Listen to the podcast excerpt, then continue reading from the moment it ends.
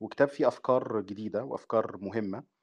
آآ الحاجة التانية إنه أنا باعتبار إن أنا يعني مهتم جدًا بالتاريخ، كنت باُصاب بالفزع وبالهلع من كَم التاريخ المزيف اللي بيتكتب في ال social media آآ في فيسبوك وفي وفي تويتر وفي وسائل أخرى، واللي بيعكس في الحقيقة آآ قدر كبير جدًا من عدم الجدية في التعامل مع التاريخ، واللي بيعكس كمان وصولًا لمرحلة الفبركة، الفبركة وتصورات غير حقيقة غير حقيقية عن التاريخ، زي مثلًا إنه رجل أعمال يطلع من كام يوم ويكتب أو يتكلم على فكرة إن مصر كانت شيوعية، وإنه الشيوعية اتهزمت وبالتالي.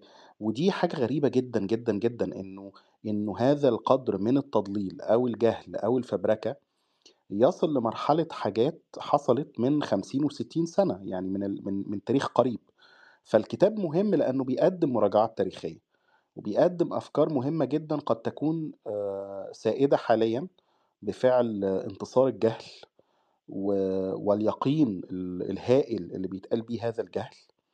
فالكتاب بييجي وبيقدم مراجعات تاريخية لهذه النقطة، زي مثلًا فكرة مصر ما قبل 52 كانت عاملة إزاي، ال الجُمل الإكليشيهات اللي بتتكرر، اللي هي فكرة إن الموضة في القاهرة كانت بتنزل قبل لندن وباريس، ودي يعني عمر ما الموضة تنزل في القاهرة قبل لندن وباريس إلا لو كانت بتتعمل في بني سويف، دي ده الطريقة الوحيدة يعني إنه الموضة تنزل في القاهرة قبل لندن وباريس، واللي هي الجملة الشهيرة الإكليشيه الشهير المُبتذل اللي كان موجود في رواية عمارة يعقوبيان أو في فيلم عمارة يعقوبيان، وهي جملة فيها قدر عالي من الابتذال والإستسهال في التعامل مع التاريخ، مثلًا على سبيل المثال.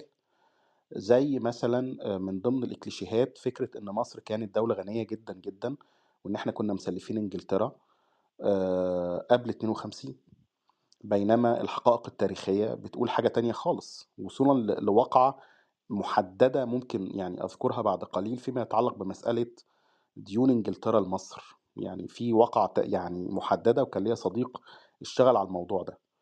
آآ فأنا باشوف إن الكتاب مهم جدًا في مسألة إنه يقدم يقدم مراجعات تاريخية، آآ ودي مهمة، لأنه في الحقيقة دلوقتي إحنا بنتكلم في لحظة م آآ طبعًا التعليم مسؤول عن قدر كبير جدًا من اللي بيحصل، بس كمان فكرة إنه إحنا كمجتمع بنتعامل باستسهال واستسخاف وعدم جدية مع تاريخنا المعاصر القريب، آآ لدرجة إنه يبقى المصدر الرئيسي والأهم آآ للروايات التاريخية حاليًا هو خالك اللي قاعد في البلكونة في المصيف، فخالك ده أو مذكرات اعتماد خورشيد. م ل يا ريت، يا ريت حتى الناس دلوقتي تجاوزت مذكرات اعتماد خورشيد ومذكرات مش عارف مين ومين ومين، آآ ووصلت لمرحلة إنه هو ده مصدر الروايات التاريخية، خالك اللي في المصيف، خالك اللي في المصيف ده هو اللي بيحدد وجهة نظرك آآ تجاه مثلًا آآ شخصيات تاريخية بعينها في مصر. آآ الناس الناس يعني أنا كنت عارف إن الناس ما تعرفش من هو سعد زغلول، وما عندهاش إدراك بسعد زغلول. وما عندهاش إدراك بمصطفى النحاس، وحتى المحطات المختلفة في علاقة الشعب المصري بمصطفى النحاس لمّا كان مصطفى النحاس فاعل سياسي في في السُلطة.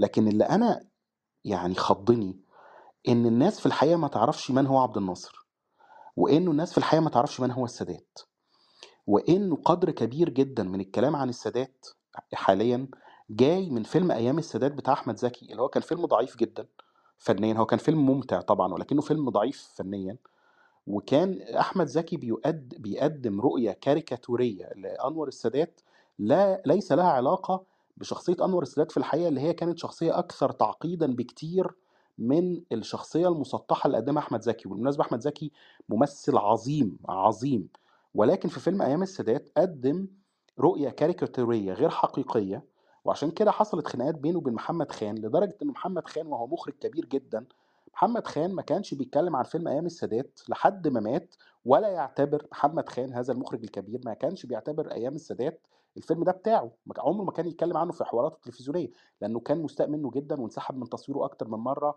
وحتى بلال فضل في حلقات اتكلم عن قصة إزاي هذا الفيلم اتكتب، وإن أكتر من شخص اشتركوا فيه وكان في نسخ منه و، قصة طويلة جدًا، جدًا. فأنت بتتكلم حاليًا إنه في نقاشاتنا التاريخية ال الناس مش عارفة من هو عبد الناصر، مش عارفة من هو أنور السادات، وبالتالي هم كمان مش عارفين من هو مصطفى النحاس ولا ومن هو سعد زغلول ومن هو حتى الملك فاروق، وبالمناسبة يعني الشخصية اللي أهم من الملك فاروق كان في شخصيتين مهمين جدًا قبل الملك فاروق آآ فؤاد، الملك فؤاد ودي شخصية تأسيسية مهمة، وأحمد حسنين باشا رئيس الديوان الملكي، وطبعًا سعد زغلول. لمّا تيجي تقرأ مثلًا أدب نجيب محفوظ تكتشف لأنه نجيب محفوظ راجل وفدي جدًا، ونجيب محفوظ مثلًا في رواية زي المرايا بالنسبة له هو بطل طفولة سعد آآ بطل طفولة نجيب محفوظ الخارق، أهم شخص في في وجدان نجيب محفوظ هو سعد زغلول، هو الزعيم سعد. فسعد طبعًا أنت بتقرأ بتفهم إنه قد إيه سعد كان شيء مهم جدًا، جدًا آآ في عالم ما قبل الحرب العالمية التانية، اللي هو نجيب محفوظ بيسميها الحرب العظمى. آآ وإنه ما بعد الحرب العظمى أو ما بعد الحرب العالمية التانية، طبعًا كانت الناس بدأت تنسى سعد لأنه كان مات طبعًا. وبدأت ترتبط مع مصطفى النحاس سلبًا وإيجابًا، وإزاي مثلًا الانشقاق اللي حصل آآ بعد موضوع حادثة فبراير 42 مثلًا. فممكن الناس ال ال اللي حضروا الخمسينيات والستينيات ممكن يعرفوا من خلال أدب نجيب محفوظ ال المجتمع كان بيفكر إزاي في حد زي سعد أو زي مصطفى النحاس، وبالتالي يكون عندهم تصوراتهم عن هذه الشخصيات التاريخية. في التمانينات والتسعينات كان في نقاش كبير في مصر ما بين محبي عبد الناصر ومحبي السادات، وبالتالي كان في تصورات واضحة شوية عن من هو عبد الناصر ومن هو السادات، ودي شخصيات سياسية كبيرة ومركبة. آآ أنت النهارده في لحظة شديدة القتامة، لأن بتتكلم على آآ ناس مش عارفة هي بتتكلم عن إيه، آآ وبتقول إكليشيهات يعني شديدة السطحية وشديدة الضحالة وشديدة ال وشديدة الإشكالية في الحقيقة، بت بتبين إن في جهل آآ عظيم جدًا وفي يقين بهذا الجهل، وإنه مصدر رواياتهم التاريخية زي ما قُلت لك هو خالهم في المصيف، ببساطة يعني. ده حقيقي، وللأسف الشديد. هو نعيم آه. رجع تقريبًا هو مش واخد باله إن هو موجود تاني، فمش عارف هو مع السمع والّا غالبًا هو موجود على السمع. طب أنا عندي عندي سؤال آه، هو سؤال واحد من الأسئلة اللي أنا دايما بفكر فيها طول الوقت إنه نعيم عرج عليها كذا مرة فكرة إنه آه، آه، ال- فكرة الهوية. ف- فأنا ع- يعني هسأل السؤال للبانل يعني طبعا اللي عايز يلقطه يلقطه. ال- المش... مشكلة سؤال الهوية اللي اتسألت واتجاوبت واتسألت واتجاوبت وعمالة تتسأل وتتجاوب بقالها حبة من ساعة سقوط الخلافه على الأقل من ساعة سقوط الخلافه وفكرة الحداثة اللي جات لنا من المستعمر وكل الحاجات دي. آه، ال- السؤال ده هل إحنا محتاجين نسأله؟ يعني هل سؤال من نحن وماذا نريد وماذا نفعل هنا؟ هل ده سؤال محتاجين نسأله؟ ولا خلاص عدى فات الميعاد ولازم نروح نشوف أي حداثة نركب قطرها وخلاص؟ يعني ال... ال- بالنسبة لي السؤال ده مش عارف أنا حاسه مؤرق شوية. ومش عارف إذا كان المفروض نسأله ولا تو ليت المفروض بقى نركب أي حاجة وبعدين نشوف هنعمل إيه فيها. طيب آه سؤال أنا الهوية؟ آه أنا أنا هنا هقول حاجة يا مو.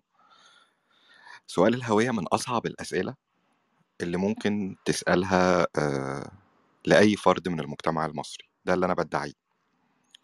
مش بس عشان آه كمية التطورات الاجتماعية والثقافية اللي حصلت في مصر في آخر 150 سنة ولا بس عشان المستعمر ولا عشان الحروب لأ في عوامل تانية. عوامل تانية ممكن أنت تقدر تشوفها في الفترة ما بين خمسينات أو خمسينيات وسبعينيات القرن الماضي. المصري مثلا أنا أنا هدي بند واحد بس من موضوع الهوية والاختلاف ده.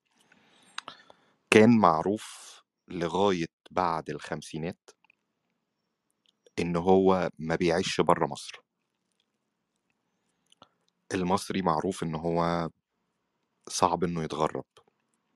بيحب يعيش في وسط أهله وبيحب يعيش في وسط قرايبه وحبايبه وناسه دي كانت موجودة في في الجين في الفرد المصري. ليها طبعا ليها طبعا عوامل وترسبات. اتكلم جمال حمدان في الموضوع ده في شخصية مصر مصر. الجغرافية والمناخية طبيعة الدايفرستي اللي موجودة فيها والمستعمرين الك- الكتير اللي عدوا عليها ربت جوه المجتمع المصري نوع من أنواع إن هو في حميمية بينه وبين المكان اللي هو فيه. والمكان هنا ما أقصدش بيه بيته أو قريته لأ أقصد بيه بلده. ليه لكنة مختلفة شكل مختلف وهكذا. في أوائل السبعينات حتى لما بعد الحرب تحديدا حتى لما آه، حصل الانفتاح وحصلت الهجرة على على دول النفط آه، ما كانتش بالشكل آه، تصاعد بشكل كبير بعد كده في منتصف السبعينات مرورا بقى بالثمانينيات والتسعينيات وما بقاش الموضوع ليه علاقة بالعدد ما بقى ليه علاقة كمان بسنين الغربة والتأثر بالشخص اللي أنت بين قوسين عنده. بقيت بتشوف حاجات زي إن أنت في ناس كتير بقت بتتخلى حتى عن اللكنة المصرية. بقينا بنشوف ناس بتلبس يونيفورم أو لبس مش مصري أو بتستخدم كلمات مش مصرية.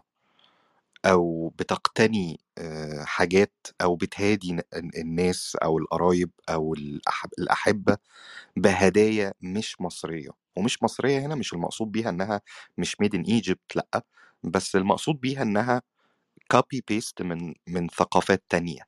عطور عبد الصمد القرش آه يعني أنت ف... يعني مع الوقت بدأت كمان ال...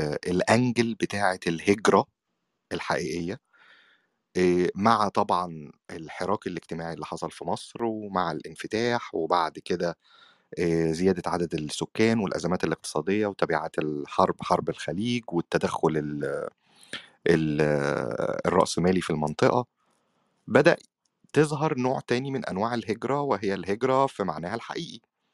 الهجرة إلى كندا إلى أستراليا إلى الولايات المتحدة إلى أوروبا كانت موجودة قبل كده آه بس مش بشكل ملموس زي دلوقتي.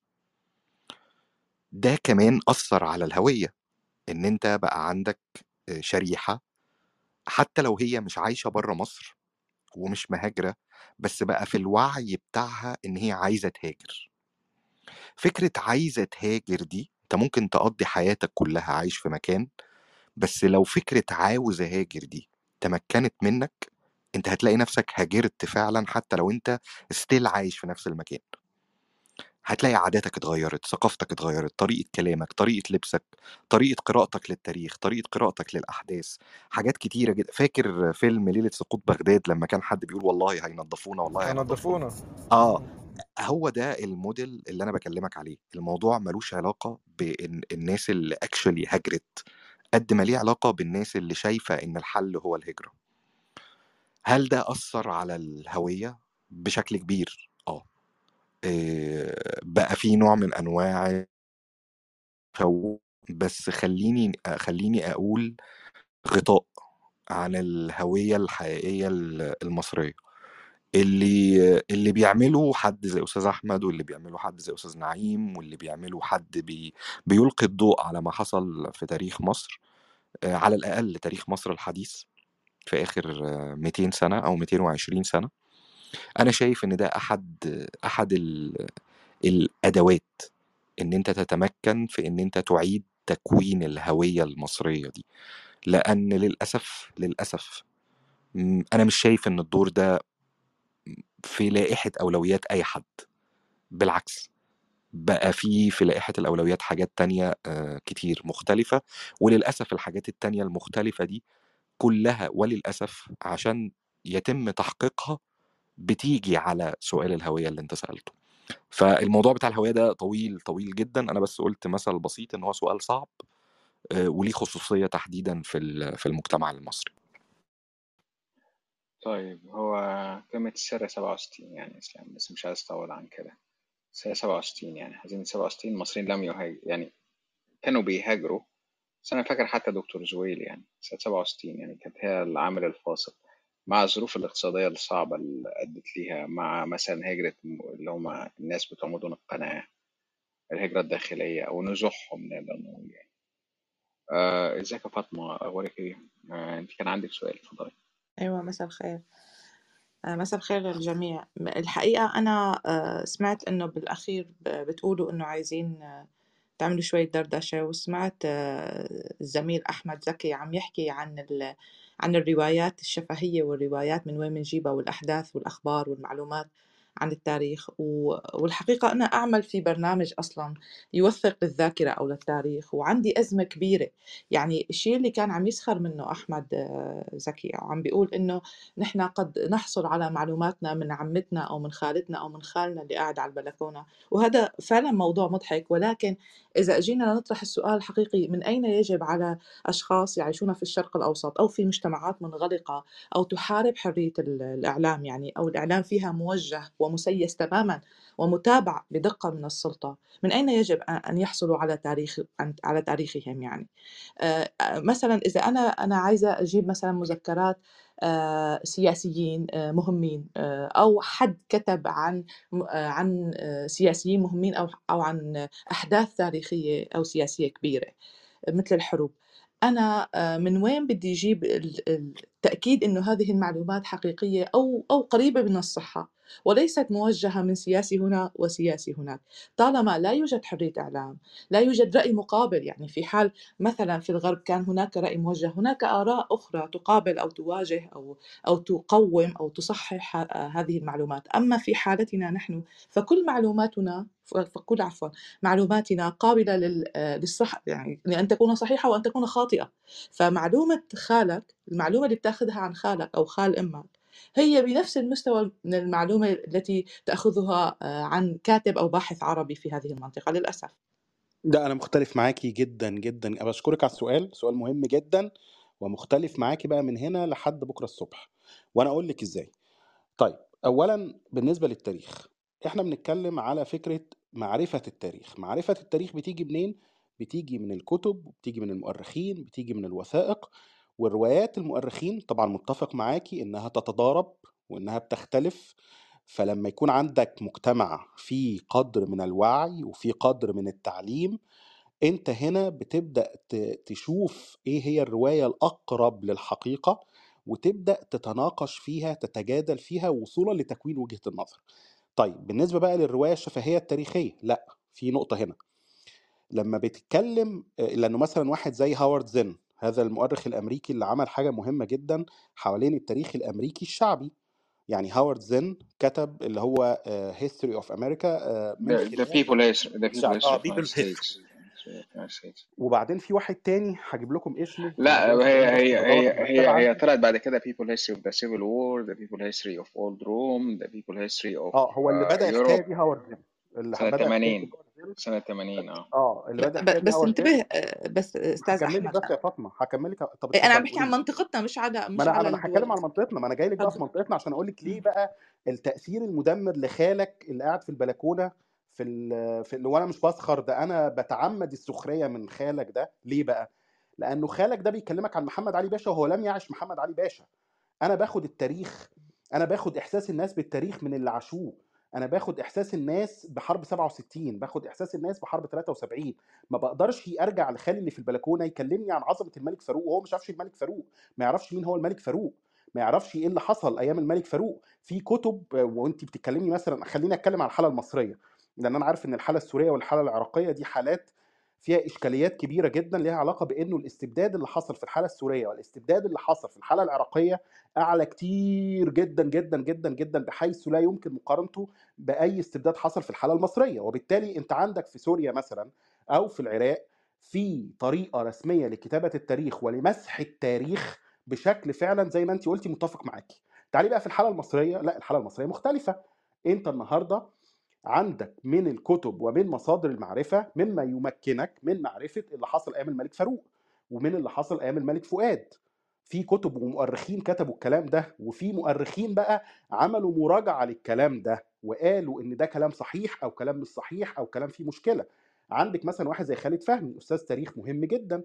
فلما بتيجي تشوفي خالد فهمي بيرجع لحرب 67 وبتيجي تشوفي خالد فهمي وبيرجع لمصادر مختلفة من حرب 67 وبيكون سردية تانية مختلفة ومغايرة ب- ولكن وفق منهج علمي لا انت عندك هنا في التاريخ المصري المعاصر عندك حاجات شديدة الأهمية حقيقية وحصلت وموجود مراجعها ده لا يتم الاستناد إليه. وبالتالي مشكلة خالك وإشكالية خالك لا دي إشكالية بجد.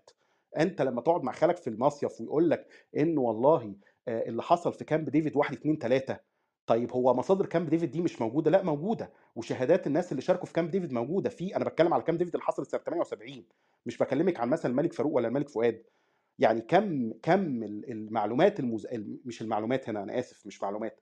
كم الفرضيات المزيفة والخاطئة اللي بتنتشر حوالين كامب ديفيد وما جرى جوه كامب ديفيد مرعب لدرجة إنه لما حد مثلا أنا كتبت عن كامب ديفيد وكتبت بقى ورجوعا مش بس للمذكرات بتاع السياسيين المصريين اللي كتبوا عنها أو مذكرات الإسرائيليين لا كتبت كمان من واقع محاضر الخارجية الأمريكية عن ما جرى خلال ال 13 يوم بتوع كامب ديفيد آه، في 78 واللي تم نشرها من سنتين ثلاثة فأنا رجعت للمحاضر دي وشفت حاجات شديدة الأهمية فيها.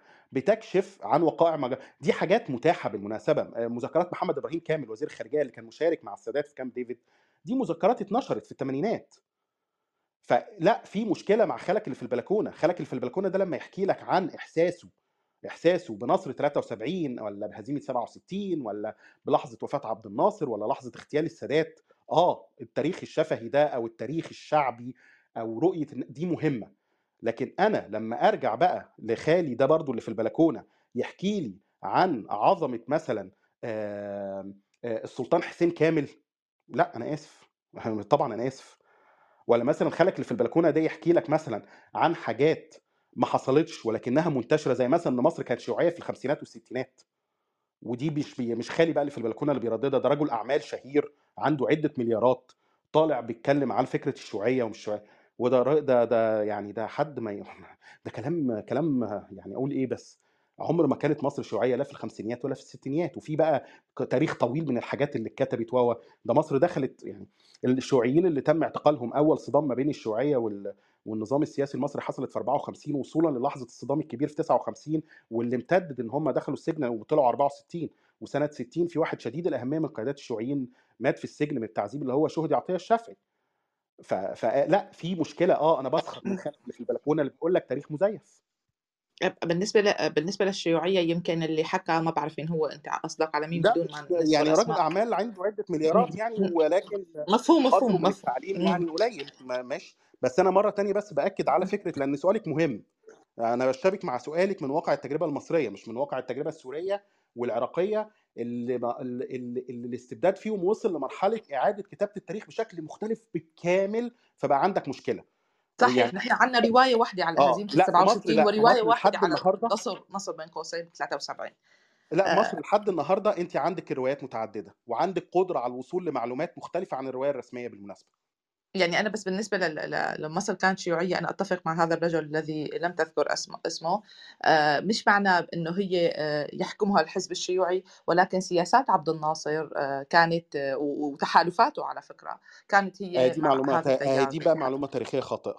اسمحي لي يا فاطمة أنا طبعا مش عاوز أدخل في الحتة بتاعت عبد الناصر وتحالفاته لأن ممكن أجيب لك يعني مثلا علاقات عبد الناصر المتميزة بالأمريكان اللي بدأت في 52 بالمناسبة. واللي وصلت لمرحلة إن الأمريكان كانوا بيساعدوه في في مسألة تأسيس الاستخبارات ما بعد 52 آه، ومسألة في في حتت معينة. ثم كمان حصل طبعا حصل صدام ما بين عبد الناصر والأمريكان مع جون فوستر دالاس وزير الخارجية في 56 ثم بعد كده العلاقة بسبب موقف أيزنهاور في حرب 56 العلاقة تميزت مرة تانية لما عبد الناصر راح الأمم المتحدة. كان في لقاء حميم ولطيف جدا ما بينه وبين أيزنهاور وتناقشوا في الانتخابات الأمريكية لأن كان بعديها تاني يا صديقي والله بعرف أنا أنا أتفق معك انه هو كان طيب عنده تمام يعني يشتغل بس هو ب- بالشكل لا المعلن بتتفقي بس مع إن الخمسينيات والستينيات مصر كانت شيوعيه فدي بقى لا ولا حتى لا كانت شيوعيه إذا كان عبد الناصر دخل في معركة مع عبد الكريم قاسم عشان إن تحالف عبد الكريم قاسم مع الشيوعيين. تمام. يعني مش مع الشيوعيين كحزب سياسي مسمى ولكن سياساته الداخلية الاقتصادية كانت يسارية وشيوعية ولا لا؟ لا.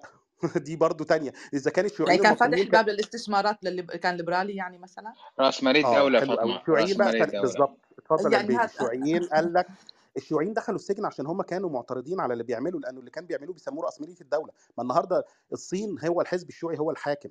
هل الحزب الشيوعي في الصين بيمارس الشيوعية ولا بيمارس الرأسمالية؟ بيمارس الرأسمالية. في انتقادات تمام. الاتحاد الاشتراكي تمام. الاتحاد الاشتراكي اللي في ماشي إيه- اتفضل. يعني لا أنا يعني أنا بفهم إنه الناس أنا- الاقتصاديين اتفضل. أنا مش دفاعا عن الشخص اللي عم نحكي عليه بس الناس الاقتصاديين ما بيميزوا وهذا يعتبروه تمييز آه، ثقافوي آه، ترف ما له أي معنى. تمييز بين رأسمالية الدولة وبين أحمد ده مش مش بس اقتصادي هو اقتصادي وسياسي وإعلامي في أوقات. يعني هو عبارة عن كوكتيل حاجات مش مش بس لا يعني يعني. يعني بصي يا فاطمة برضو أنا آسف والله يا فاطمة أنا مش عاوز يعني طبعا انت ليكي وجهة نظر وتحترم أنا مختلف معاها بس أنا مش مختلف مع وجهة نظرك من منطلق إنها وجهة نظر. يعني أنا مستعد طبعا أتقبل كل وجهات النظر لأن كلنا عندنا رؤى مختلفة ولكن أنا مختلف معاها من نقطة معلوماتية معلومة. أنا بقول لك إنه مصر لم تتبع النظام الشيوعي لا في الخمسينيات ولا الستينيات على المستوى الاقتصادي. يا عمي لل- للشيوعيين ال- ال- الديناصورات يعني اللي بنقول لهم ولا في دولة بالعالم طبقت النظام الشيوعي ف- فهذا الموضوع طيب آه، ماشي. مش مش هو مصر المقياس برضو تبعنا مرة المعيار تانية يا فاطمة مرة تانية يا فاطمة مصر ما كانتش عاملة زي الاتحاد السوفيتي ولا رومانيا ولا الكتلة الشرقية وممكن أذكر لك تجارب كوبا فيتنام الشمالية اليمن الجنوبي مصر كانت بعيدة عن كل هذه المناهج. اللي كان أقرب لهذه المناهج كانت سوريا الأسد. سوريا الأسد يلي كان آه، آه، حافظ الأسد بالتسعينات كان قاعد بحضنه لبيل كلينتون وإجا مش بس آه، بيل كلينتون إجا زاره لا هو عمل كل السياسات بما فيها التدخل بحرب الخليج إلى جانب بالضبط. القوات الأمريكية يعني بالضبط. فكمان بهالحالة نحن بنفلت نفس القصة ف... ف... مم. ف... فالسياسات واضحة ما في بس نحن عم نحكي على كل حال مش هذا موضوعي لأنه هذا موضوع كتير طويل وأنا عندي فيه وجهة نظر ما مش هلأ جاي أفرضها بس بدي أقول إنه كمان حتى ال- ال- المعلومات اللي بناخذها من مذكرات وحتى صحفيين مهمين مثل مثلا أنا بعطيك مثال حسنين هيكل هذا الشخص اللي كان قريب من السلطة أنا ك- كباحث وكحدا فعلا يبحث عن الحقيقة آه، أنا قد إيه فيني أوثق آه، برواية حاكيها واحد لهذه الدرجة منسجم مع السلطة. حلو. آه، بص بالنسبة لهيكل هيكل في جزء منه مؤرخ لكن في في إشكالية تانية لها علاقة بالتأريخ لها علاقة إن هو كان جزء من المشهد السياسي. فهنا المؤرخين بيتعاملوا مع كتب هيكل إما باعتبارها آه، مصدر لبعض الوثائق ولبعض الأحداث وإما باعتبارها وجهة نظر حد شارك في صناعة التاريخ. فهل يمكن الاعتماد فقط على رواية هيكل فيما يتعلق مثلا بأحداث هو كان مشارك في صنعها زي حرب 73 أو حرب 67 لا. لكن يمكن الاعتماد على رواية هيكل مثلا فيما يتعلق بحرب 56 هو كان بعيد عن الصورة لكن في حرب 67 هو كان قريب من الصورة هو اللي كتب خطاب التنحي. في حرب 73 هيكل كان مشارك في التحضير للحرب ما قبل الحرب وفي لحظة الحرب من خلال إن هو اللي السادات كلفه بكتابة التوجيه الاستراتيجي. لما خلاه يقعد مع قال له اقعد مع المشير أحمد إسماعيل القائد العام للقوات المسلحة ساعتها وإنه هو اللي كتب للهي... للسادات خطاب النصر بتاع 14 أكتوبر. فبالتالي كتاب هيكل أو كتب هيكل مثلا أكتوبر السلاح والسياسة بتاع هيكل عن حرب 73 دي آه، نعتبرها مذكرات حد شارك في الحدث. وممكن نطلع على مثلا آه، مذكرات مثلا آه، الشاذلي ممكن نطلع على مذكرات الجمصي رئيس هيئة العمليات. لكن بتروحي مثلا لمذكرات حد زي الفريق المشير أحمد إسماعيل اللي هو كان القائد العام المذكرات هزيلة جدا صغيرة جدا وما فيهاش معلومات كتير. وهو الراجل مات بعد الحرب لأن هو كمان دوره في الحرب المشير أحمد إسماعيل ما كانش كبير. الدور الأكبر كان عند الفريق الشاذلي والخلاف ما بين الشاذلي والسادات. بتروحي مثلا لمذكرات السادات نفسه البحث عن الذات واللي المؤرخين لم يتعاملوا معاها بجدية. لأن مثلا في البحث عن الذات السادات نسب لنفسه إن هو كان صاحب فكره 23 يوليو ثم في عصر السادات طلع أحد رفاقه وهو عبد اللطيف البغدادي وطلع مذكرات شديدة الأهمية بيتكلم فيها على ال- الرواية الحقيقية فيما يتعلق بما جرى قبل 23 يوليو وبيناقض رواية السادات في البحث عن الذات وبالمناسبه السادات ما كتبش البحث عن الذات كلف صحفي يكتبها له ويقال إن هو موسى صبري.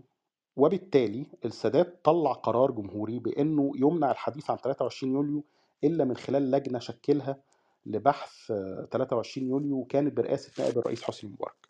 واللجنة دي عملت تقرير والتقرير ده ما طلعش لحد دلوقتي. التقرير ده يعني ما طلعش خالص لم يصدر عن اللجنة ما يفي ب- ما يشي بأن التقرير طلع.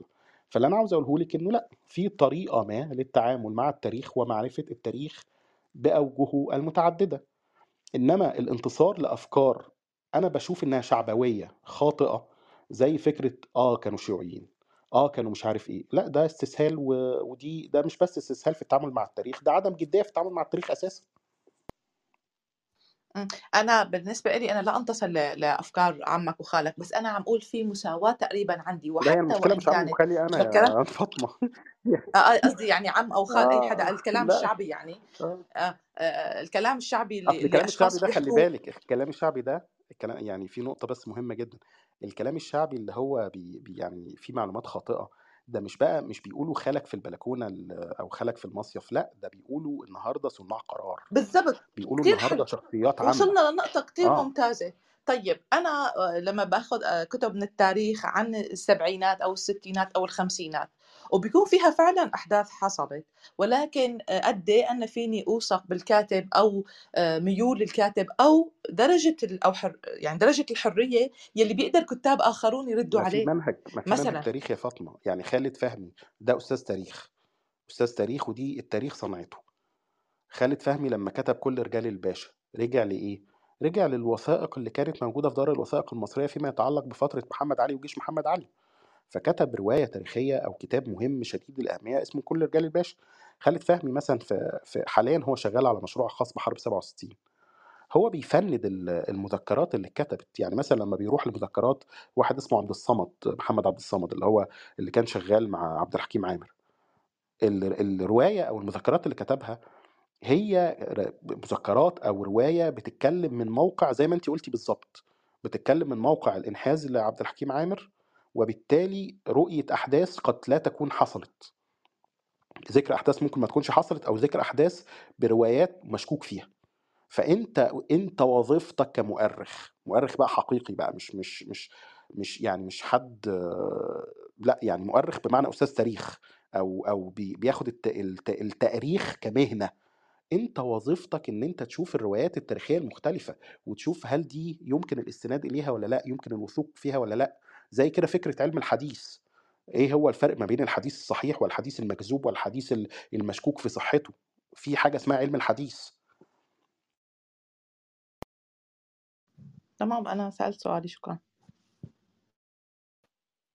شكرا فاطمة. بس أنا اللي فاهمه يعني إن أنت تعملي البرنامج الحواري ده مع ناس مثلا رحلة في ذاكرتهم هم يعني ناس سياسيين أو كده فأنت شايفة إن حتى الناس العادية ممكن الناس ال- رجل الشارع العادي أو ال- الامرأة مثلا اللي كانت بتشتغل مثلا في مكان ما حكومي ده ممكن ناخد رأيه في مش قصدي حاجة يعني أنا قصدي إن ده آه. ياخد رأيه.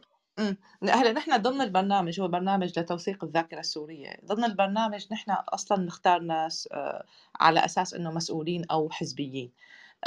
ولكن ولكن أنا بعد يعني فترة طويلة مع هذه النقاشات اكتشفت أنه يمكن أفضل أني أخذ آه، شهادات من أشخاص عاشوا المرحلة مش مش أنه عم يحكوا عن أشياء ما بيعرفوها أو ما عاشوها. أشخاص عايشوا المرحلة عايشوا المظاهرات مثلا أو اللي بيقولوا الطوش اللي بتصير بالش- بالشوارع فجأة آه، أو آه، الأسعار غلاء الأسعار البيانات الرسمية و- وانعكاسها على الشعوب.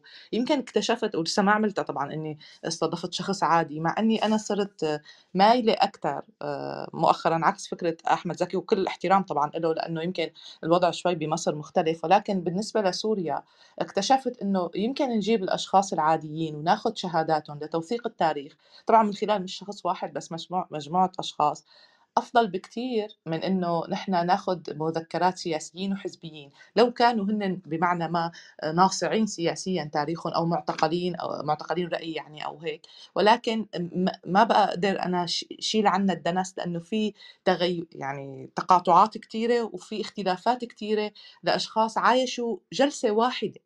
يعني أنا ضمن جلسة واحدة وقت مثلا حاولوا آه، آه، يعزلوا حافظ الأسد بعد هزيمة ال 67 خلال هاي الجلسة أخذت مج... ثلاث أشخاص كانوا تقريبا إما موجودين أو موجود حدا آه، يعني قريبهم بال- بالحزب. موجود بالجلسة وأنا أخذت روايات مت... متناقضة وفي منهم ما قدروا يأكدوا لي وين صار ال- الاجتماع. ف... فالفكرة إنه الموضوع فعلا أحيانا السياسيين بياخدونا أو الحزبيين أو الأيديولوجيين بياخدونا بمكان بعيد عن الحقيقة وبهذه المنطقة التاريخ لا يمكن لا يمكن ضبطه. هي أكيدة يعني.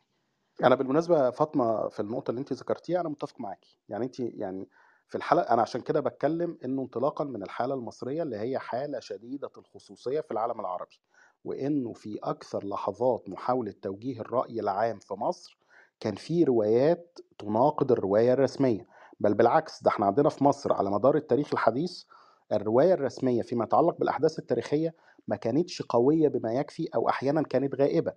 المرة الوحيدة اللي الرواية الرسمية فيها كانت مهيمنة في مصر كانت فيما يتعلق بحرب 73 واللي هي مهيمنة عشان حرب 73 هي تأسيس لشرعية مبارك مش شرعية السادات لأنه السادات لحد ما مات كان شايف شرعيته هي شرعية آه، 23 يوليو لكن شرعية مبارك كانت مبنية على حرب 73 وبالتالي ما كانش مسموح طبعا كان في روايات تانية كتير جدا بتتنشر أيام مبارك عن حرب 73 وعن الثغرة وعن ما حدث في الحرب و و ولكن كانت الرواية الرسمية رواية مهيمنة. ليه؟ لأنها بتتكلم عن شرعية الحكم. في الحالة السورية أنا متفق في كل كلمة انت قلتيها. الحالة السورية أنت عندك إلغاء كامل. أنت مثلا في الحالة المصرية الأيام دي الذكرى 46 ل- لمظاهرات 18 و19 يناير. أنا والدي من من اللي كانوا موجودين في المظاهرات وتم اعتقاله و- وكتب شهادة شخصية عن مظاهرات 18 و19 يناير في 77 وغير والدي ناس كتير جدا كتبوا عن 18 و19 يناير 77 فأنت تقدر تعرف 18 و19 يناير 77 في مصر المظاهرات ال- العارمة اللي حصلت في مصر واللي بدأت بالمناسبة يوم 17 تقدر تعرفها من المشاركين فيها وأيضا من مذكرات السياسيين اللي كانوا آه، بيقدموا وجهة نظر أخرى أو رؤية أخرى للحدث من مواقعهم. زي مثلا مذكرات واحد زي كمال الجنزوري مثلا اللي هو رئيس الوزراء الأخير مثلا كان بيقدم رواية مهمة عن لحظة التمرد اللي عمله الأمن المركزي سنة 86 ضد مبارك أو مش ضد مبارك ضد وزارة الداخلية يعني وزير الداخلية ساعتها. وده اللي الجيش نزل فيه. فبنرجع لمذكرات كمال الجنزوري وبنقرأ زاوية معينة في حتى هو بيتكلم على اتصالاته بوزير الدفاع ساعتها أبو غزالة عشان بيطلب منه ينزل الجيش. فاللي أنا عاوز أقوله لك إنه أنا متفق معاكي في كل كلمة فيما يتعلق بالحالة السورية. آه الحالة السورية دي حالة بقى extreme والحالة. العراقية نفس الحكاية. أنت أنت عارف يا أحمد؟ آه، تخيل إنه آه، إنه نحن انتقلنا من رواية واحدة وحيده ما في غيرها قبل ال 2011 لرواية تانية هي عكسها تماما. فأنا لا أستطيع أن أستبعد كمان الرغبة بالانتقام من الشهود الذين يعني آه، أستضيفهم. يعني مثلا إنه من حافظ الأسد بطل كان بال 67 بحرب اللي, اللي انهزمنا فيها آه، ك- كقائد دفاع أو وزير دفاع آه، حاول يبذل ما في جهده ولاحقا عمل حرب انتصر فيها. انتقلنا لما ثار الشعب على هذا على هذا الدكتاتور أو هاي العائلة انتقلنا لشيء معاكس تماما. يعني صار إنه هو أساسا بايع الجولان وعلى هالأساس صارت تتركب روايات إنه هو أخذ الحكم بسوريا. فأنا بين روايتين متناقضتين تماما أبيض وأسود. فاهم ليش أنا قلت لك إنه يمكن بحب أسأل خالة لماما يلي هو عا- عايش الحرب أكثر من إني أسأل السياسيين أو المتحزبين ما من أنا لو الطرفين مكانك ما أنا لو مكانك يا فاطمة لو مكانك كنت هعمل زيك بالظبط فعشان كده متفق معاكي بس كلامك يفضل قاصر على الحالة السورية. يعني أنا أقول لك حاجة مثلا لحد هذه اللحظة مفيش رواية سورية رسمية متماسكة عن اللي حصل في حرب 73 خالص مفيش أي رواية رسمية متماسكة عن اللي حصل في حرب 73 على الجبهة السورية. وأنت مضطر عشان تعرف اللي حصل على الجبهة السورية أنت مضطر تشوف روايات أخرى أحيانا تبقى روايات غربية آه، أحيانا ممكن تشوف كمان آه، بعض الوثائق الإسرائيلية عشان تقدر تتوصل للي حصل فعليا على الجبهة السورية. فأنا متفهم إن الحالة السورية دي حالة اكستريم ولا يمكن لا يمكن يعني مثلا هقول لك حاجة في العالم العربي آه، فيما يتعلق بالتاريخ الحديث انت عندك روايات متعددة رسمية وغير رسمية يمكن ال- الوثوق فيها أو الاستناد إليها في بلد زي مصر وتونس والسودان. لكن فيما عدا هذه الدول انت عندك إشكالية ضخمة جدا جدا جدا فيما يتعلق مثلا بكتابة التاريخ المعاصر في المغرب واللي حصل أيام الحسن الثاني. عندك مشكلة تانية في عندك برضو قدرة إنك تعرفي أجزاء من التاريخ الحديث ب- بشكل يعني في درجة عالية من ال- من المصداقية مثلا في اليمن الجنوبي أو اليمن الشمالي مثلا في لحظات قديمة يعني لحظات معاصرة بس أقدم يعني. بس ما من قبل عندكيش ال 94 إذا بدك أو قبل ال 90 آه، بالظبط معاكي انت امم عندك وعندك مثلا مشكلة آه، نوعا ما برضو في الحالة العراقية انت بسبب شهادات بعض البعثيين اللي كانوا مع صدام نفس قبل الحالة. قاعة الخلد. آه بس انت انت عندك خلي بالك في العراق انت عندك بعثيين كانوا ضد صدام وصدام خلص عليهم وفي منهم اللي هربوا بعد موضوع قاعة الخلد سنة 79 فانت عندك قدرة انك تعرفي أجزاء من التاريخ العراقي ما آه، في هو الخم...